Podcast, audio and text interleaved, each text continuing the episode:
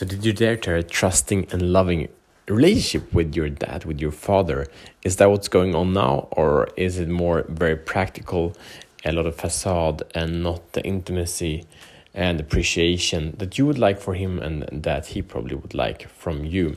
So, today I will share a story about uh, a revelation and connection with my dad that's been just beautiful, and I want to share it as it goes along. So, welcome to Show the Fuck Up podcast. My name is Matt Fyron, and this show is for men that are ready to free themselves from the prison of playing small and unleash their personal greatness. So, we do this by showing the fuck up in the four areas to create a meaningful life, and that is purpose, passion, power, and profit. So, I want to share with you something special. And of course, uh, if you're listening to this, you probably have been uh, evaluating and discovering your relationship with your dad quite a lot.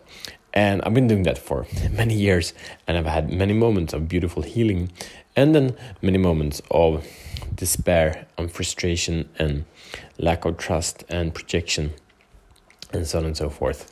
Uh, so I think we all have stories of absent dads uh, or we wish that we they would have showed up in different ways. Uh, all men has something that's called the father wound, uh, explained by John Eldredge, and, and that is basically the wound where the man that we look up to the most question our power, and that is the moment that all men try to reclaim and repower. And um, I'm evaluating and recreating my story day by day and harvesting the, the good things of who I am. And the past month, past two months, past three months, past days been way, way more intense when it comes to this, when it comes to my dad.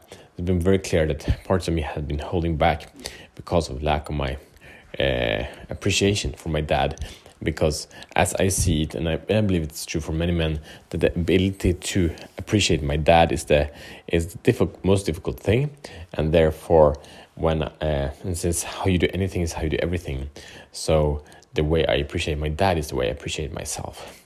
So I know every moment I start judging myself, uh, I can check in on what I feel about my dad, even though I haven't met him or haven't spoken to him, and usually there is judgment.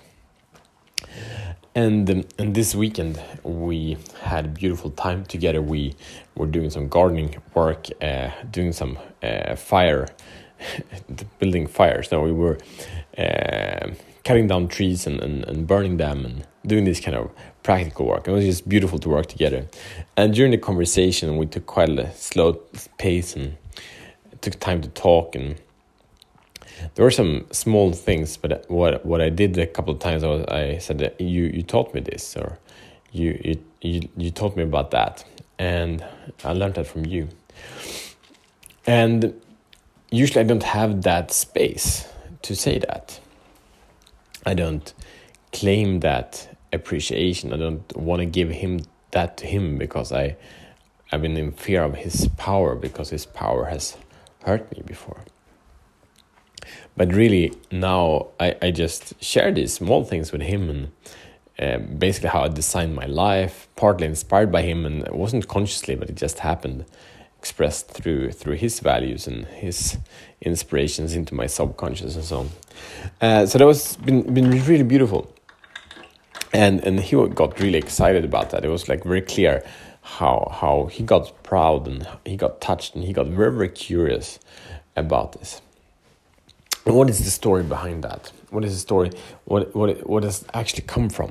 So the story behind is is in a way quite obvious, and it is that the um, my dad has taught me a lot about how to be a man, how I want to be, and how I don't want to be.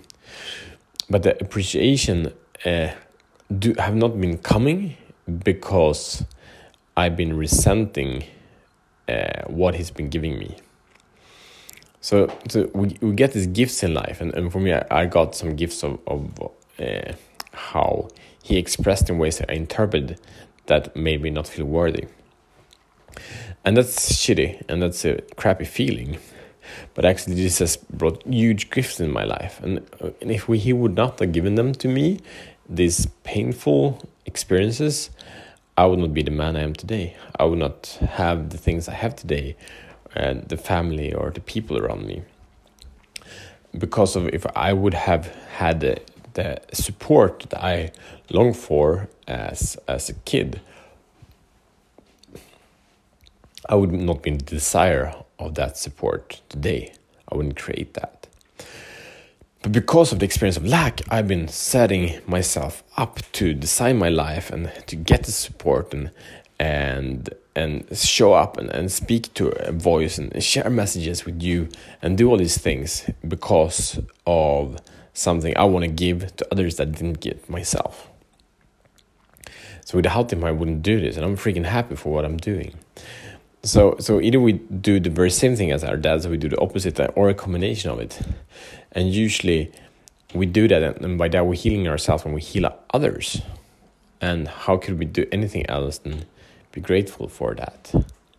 So he has given me the, the he has given me life, obviously, and he has also given me this moment where I living my dream in this expression and it was not maybe like okay here's a lesson here i'm going to teach you here i will mentor you consciously. Partly as well but mostly not. And these wounds has been the greatest mentoring. But i haven't been ready i haven't been mature enough and humble enough to see how the wounding how the scarring has been the greatest gifts. Really really generous gifts and I, I speak this with, with huge warmth and huge amount of gratitude and softness in my heart. And, and also part of this recognition is, of course, that any man wants the best for his children, and sometimes he's not able to give anything that he thinks is value, and sometimes men then, then leave. But that is also a gift. And for the kid, it can suck, but it's still a gift. And, and that we as sons, as fathers, can recognize that our dads did their best from their limited point of view, from their limited knowledge. We will do our best, and that's all we ever can demand a wish from anyone. And just give thanks for that. So that is that is uh, the sharing from today, and I appreciate you, man, out there showing the fuck up. And um, blessings to you, blessings to your fathers, blessings to your dads. And your mission, should you choose to accept it, is to recreate, revisit the stories that you have about your dads, the things you are frustrated about, triggered about, you don't appreciate, and see, ask yourself the question what gifts has this brought into your life? Share this episode with a man uh, that you believe it would be valuable for, so more of us can shut the fuck up and we can co create a beautiful experience. That's it. See you tomorrow as better men.